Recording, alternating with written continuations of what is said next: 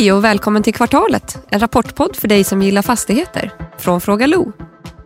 I detta avsnitt hör vi Annika Ånäs, VD för Atrium Ljungberg, kommentera bolagets rapport för andra kvartalet 2022. Intervjun görs av Sverige Tor och spelas in på Beppo.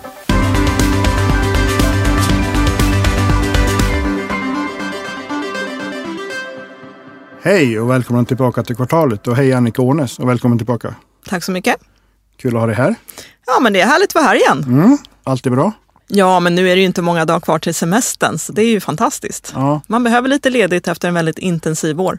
Ja, det har det ju varit. Ni har ju stycket ut lite med, med transaktioner och sånt där. Det ska vi snacka lite om. Yes. Men eh, vi ska börja med att höra vad Niklas Höglund har att tycka.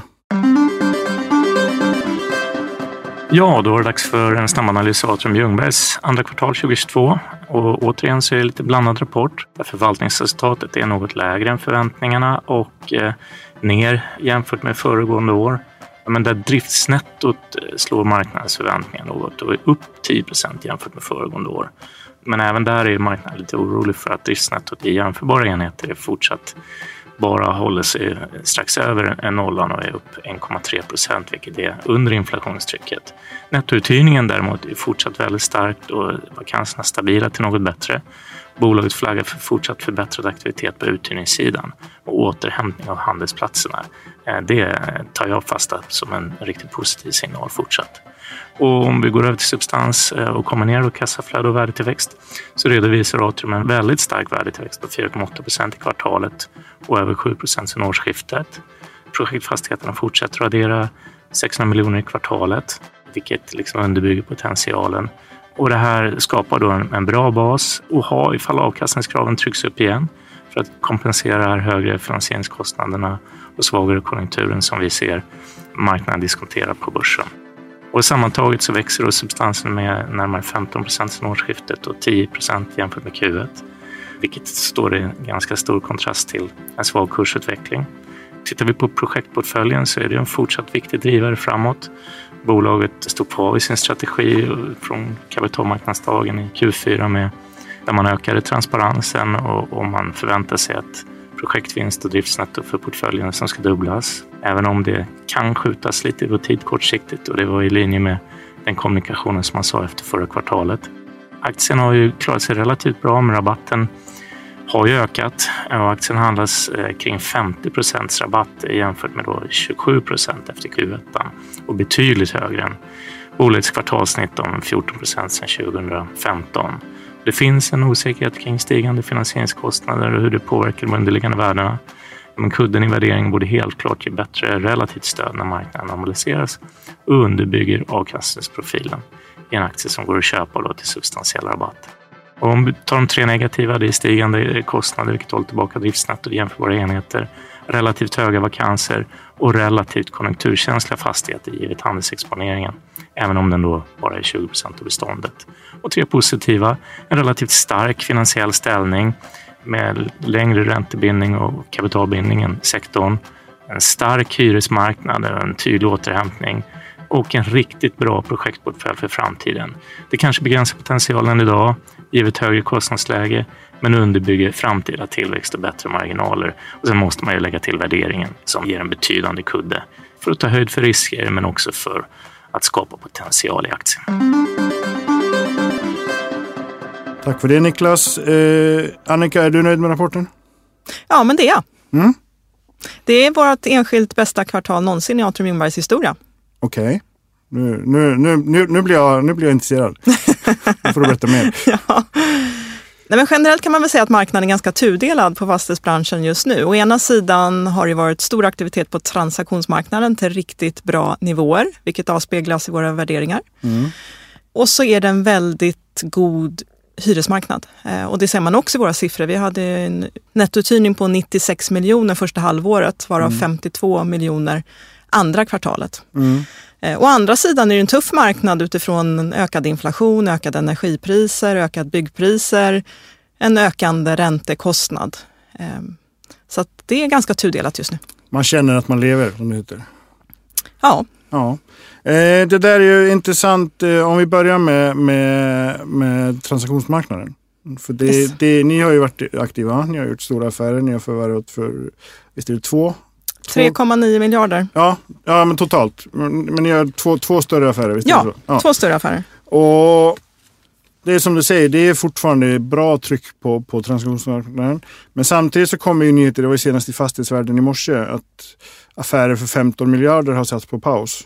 Mm. 25 miljarder till och med det var. Är det, känner du också där en, en tudelning på, på liksom vad, vad det är för typ av fastigheter som går? Absolut. Jag tror att det är en väldigt stor skillnad mellan A och B-läge och storlek på affärer nu. Mm. Det är klart att finansieringssidan som är kämpigare gör att vissa affärer har svårt att komma fram. Mm. Men vi ser ju också att de affärerna som vi gjorde, framförallt den senaste i Hagastaden, vi var ju fem aktörer som låg väldigt nära varandra. Eh, Och det har jag också fått bekräftat av de här bolagen. eh, Som sa vi var precis hack i häl. Mm. Eh, och vi ser också den senaste affären som AMF gjorde i Marievik. De görs ju på riktigt höga nivåer. Men det handlar ju om attraktiva fastigheter på rätt marknad. Okej. Där finns det. Eh, Okej. Och det avspeglas i att vi har ju den typen av fastigheter i våran portfölj och därav har vi skrivit upp värdena. Mm. Och ni har ju skrivit upp värdena rätt rejält. Ja. 4 miljarder på halvåret. Mm. I en tid då eh, olyckskorparna kraxar om att, att uh, värdena är alldeles för stora i branschen rent generellt. Vad, vad, jag, jag vet att det är inte ni som själva bestämmer nivåerna, det är ju liksom externa värderare. Men, men hur, liksom, hur känns det? Men man måste bryta ner vad värderingsskillnaden, eller vad den består av, de här fyra miljarderna. Mm. Vi har 1,2 miljarder i projektvinster. Mm. Eh, Vi har eh, förbättrade kassaflöden till en stor del och sen viss del som är avkastningskrav. Men det är ändå så att sammantaget så handlar det faktiskt om kassaflöden och eh, projektvinster. Okej, så ni har inte tryckt ner gilderna ännu mer? Något på Okej. kontorssidan, eh, men det är också marginellt. Okej, okej.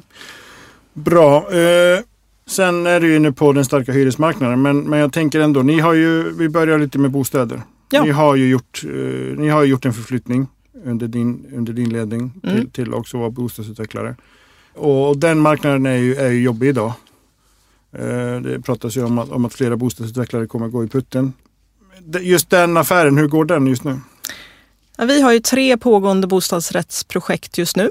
Ehm, Ett av dem är fullt sålt och flyttas nu in under sommaren. Och sen har vi två kvar. Det är ett på Nobelberget i Sickla där vi har en bokningsgrad på 56 procent. Mm. Och sen har vi ett projekt i Uppsala där vi har bindande avtal på 60 procent. Så de, eh, de taktar ju på de här projekten. Okej. Men tittar man lite övergripande på hur bostadsrättsmarknaden har sett ut det här kvartalet så kan vi konstatera att det finns ju en nedgång i marknaden. Eh, Mm. Jag tror att det är inne på det här enskilda kvartalet är nedgången i Sverige och i Stockholm 7 procent. Mm. Mm. Eh, Och det är ju så oftast när man kommer in i en väldigt osäker marknad, att då händer det väldigt, väldigt snabbt.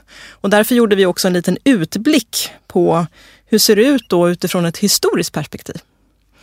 2007 och 2017 så hade vi kraftiga fall på bostadsrättsmarknaden. Och eh, fallet varar ungefär åtta månader.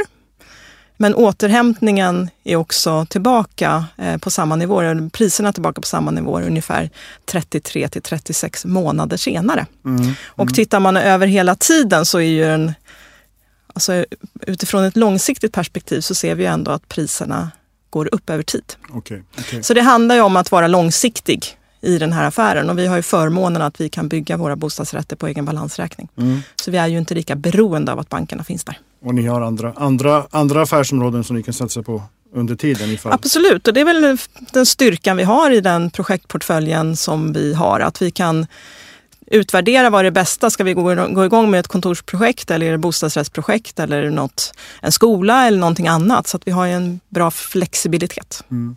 Det som händer nu som inte hände 2007 och 2017 det är inflationen. Eh, och nu vet ju ingen hur, hur långvarig den kommer vara. Eh, Riksbanken tror att den kommer att hålla i alla fall året ut. Eh, ser du någon, har du någon oro över att det kommer påverka? Nej, men det är klart att byggpriserna generellt har gått upp det senaste året med 13 procent. Mm. Nu ser man de senaste månaderna har ju ökningstakten stannat av, eh, vilket är positivt. Och I vissa fall pratar man ju till och med om, om en lägre eh, takt än, än tidigare. Så att på något sätt bör ju den här stabiliteten komma tillbaka, men exakt på vilken nivå återstår att se. Mm. Eh, här tycker jag vi har vår styrka i att vi har byggprojektledare som är duktiga att göra upphandlingar. De kan vara flexibla när man genomför projekten i att vilket material ska vi använda? Ska vi välja det här golvet eller någonting annat? Så det, det, är mycket tuffare om man i dagens marknad ska gå ut och göra mm. ett, en upphandling på fast pris. Mm. För man får nästan inga priser. Mm. Eh, oftast är det ju så idag, om man frågar någonting på stål, då säger de att det här priset gäller sex timmar. Mm. Ja, stål finns ju inte, typ. Nej. Tack vare eh, Putin. Precis, så att mm. det, nu blir det mycket återbruk även på stål faktiskt. Mm. Man får nyttja. Mm. Eh. Och det är, väl, det är väl bra eh, på ett sätt? Absolut. Antar jag. Ja, ur miljöperspektiv och hållbarhetsperspektiv. Eh, ni har ju er, er Agenda 2030. Ja. Eh, och ni har, vi har ju pratat om det flera gånger. Mm. Ni har ju enorma investeringsvolymer i pipe. Ja. Och jag kommer ihåg när vi pratade i en annan podd då blev du lite irriterad på mig när jag frågade, finns det någon risk för det här? Nu, nu är ju må många riskfaktorer här. Alltså, ser du någon risk för försening på grund av rådande omständigheter? I, att, att det blir Agenda 2035 istället kanske? Fast om man tänker på att vi ska investera, vi har totala portföljen i 39 miljarder. Mm.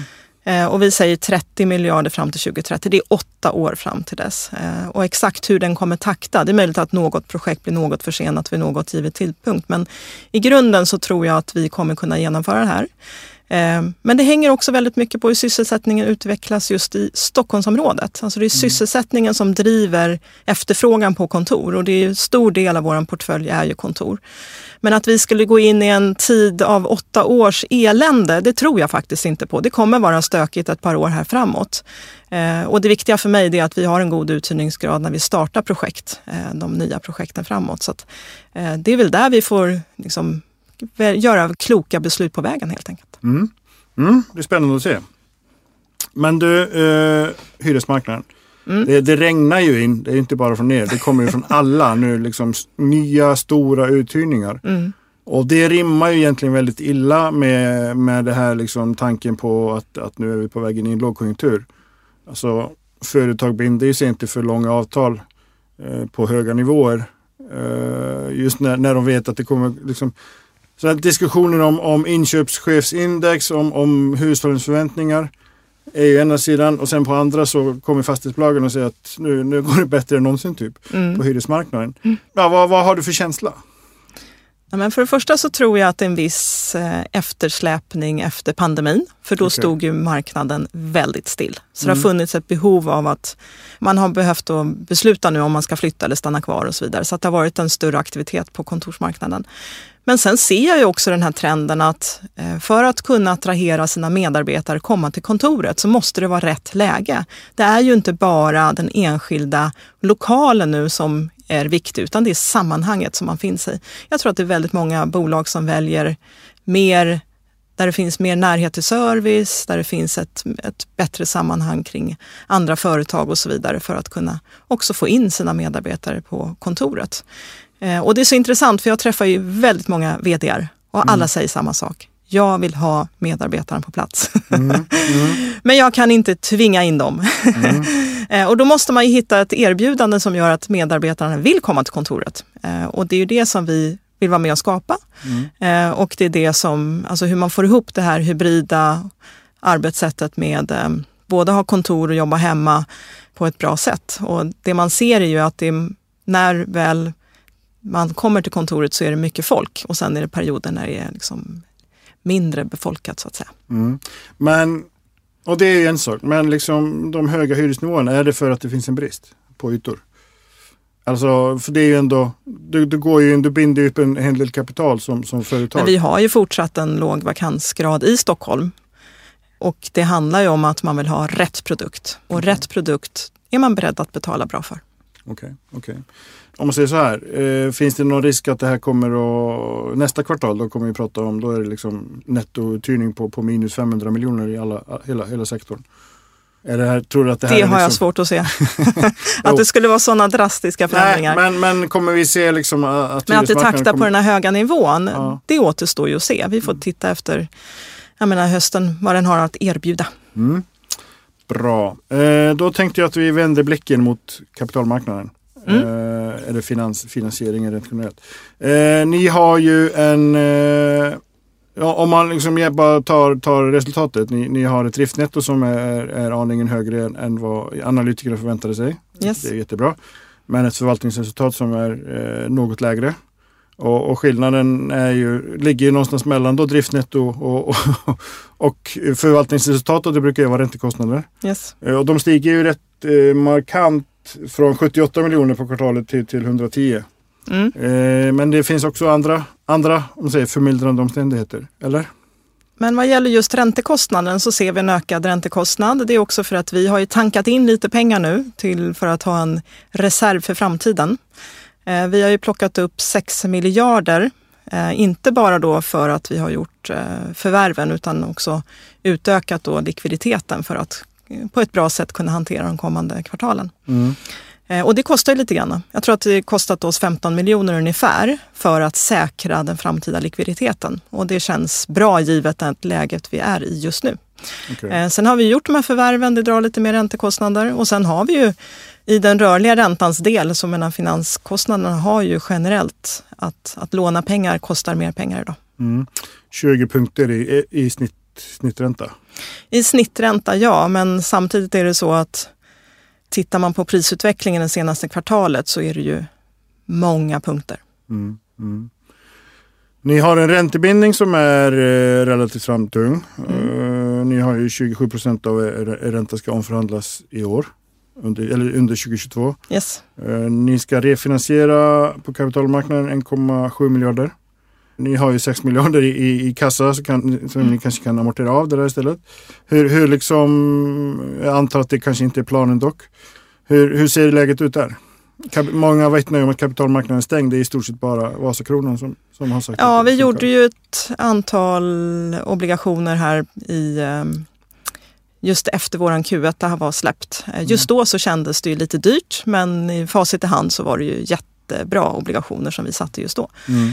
Så att vi måste ju följa räntemarknaden extremt nära nu och göra kloka val på vägen. Och exakt vilka val vi kommer att göra, det får vi se. Mm. Men jag tror inte på att vi i det här skedet ska förlänga räntebindningen ytterligare.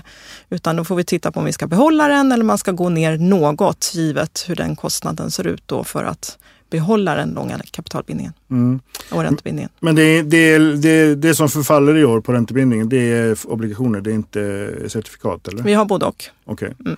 Men som sagt, vi har ju en likviditetsreserv så att det där kommer vi hantera på ett bra sätt. Mm, mm. Många, många försöker gå över till bank.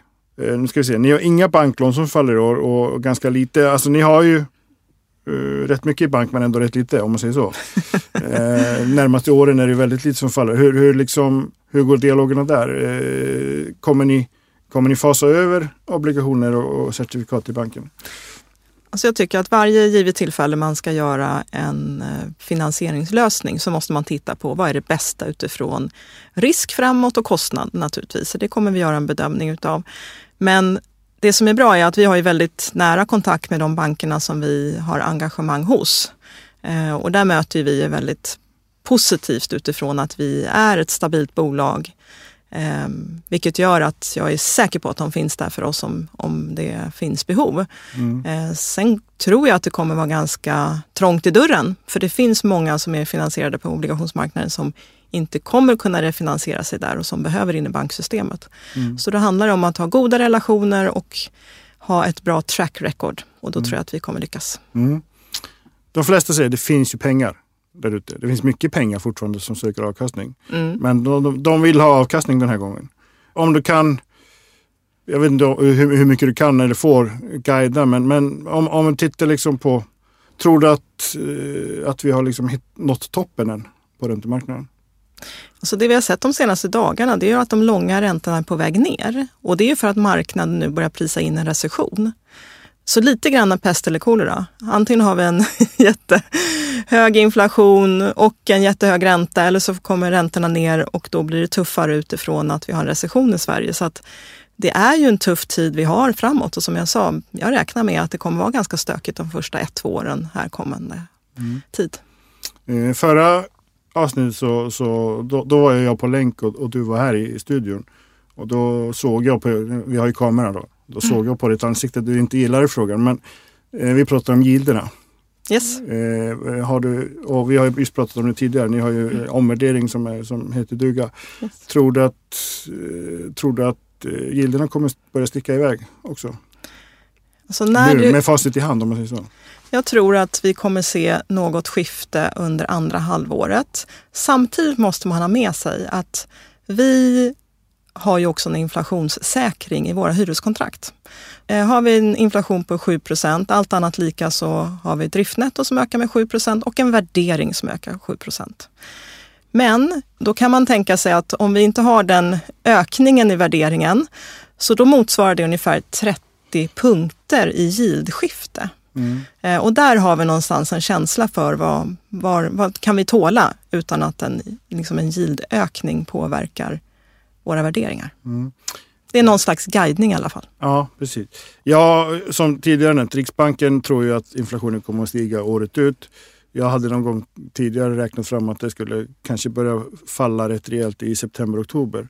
Men jag antar att branschen i stort hoppas på att den håller sig i alla fall till omvärderingen kommer. Eller Man kan väl indexeringen slår in. tänka, oktoberindex är ju alltid bra utifrån hyresnivåerna. Sen kan det sjunka igen. Sen får den... Bra. Bra.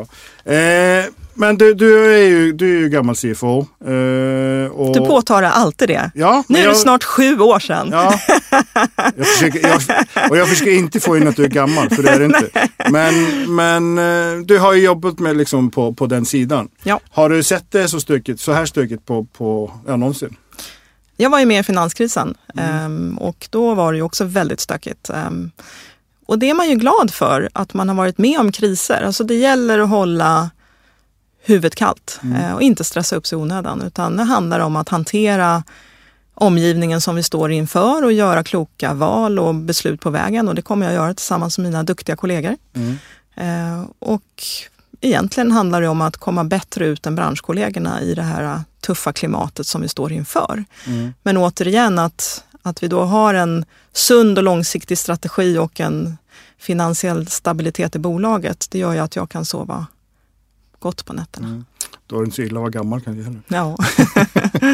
Hörru, det, det är dags att runda av och, och en fråga som alla, alla får, du har ju redan svarat på den på ett sätt, men alla får det här kvartalet är ju hur orolig är du? Är du orolig för liksom, eh, att, att det kommer bli stökigt på marknaden rent generellt? Jag är säker på att det kommer bli stökigt på marknaden, men jag är inte orolig för Atrium Ljungbergs framdrift eh, framåt. Okej, okej. Jättebra. Toppen Annika. Tack så mycket. Trevlig sommar. Tack. Och tack för att ni har Detsamma. lyssnat och trevlig sommar på er alla hemma också. Vill du ha koll på de viktigaste trenderna i fastighetsbranschen? Lyssna på vår podcast Fastighetspanelen med Sveriges ledande rådgivare, där poddar finns.